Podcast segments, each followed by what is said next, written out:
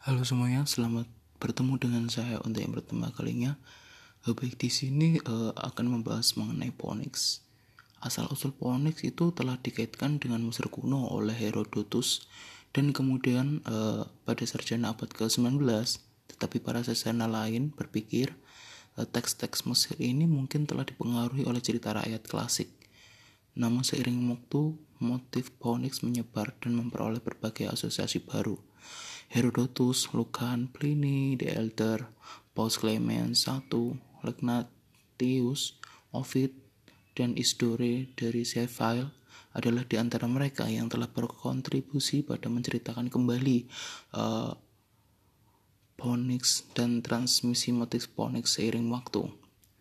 Melampaui asal-usulnya, Phoenix dapat berbagai melambangkan pembaruan secara umum serta matahari, uh, waktu, kekaisaran, metampaishokosis, konsekrasi, kebangkitan, kehidupan di surga surgawi, Kristus, Maria, keperawanan, orang yang luar biasa dan aspek-aspek tertentu dalam kehidupan Kristen.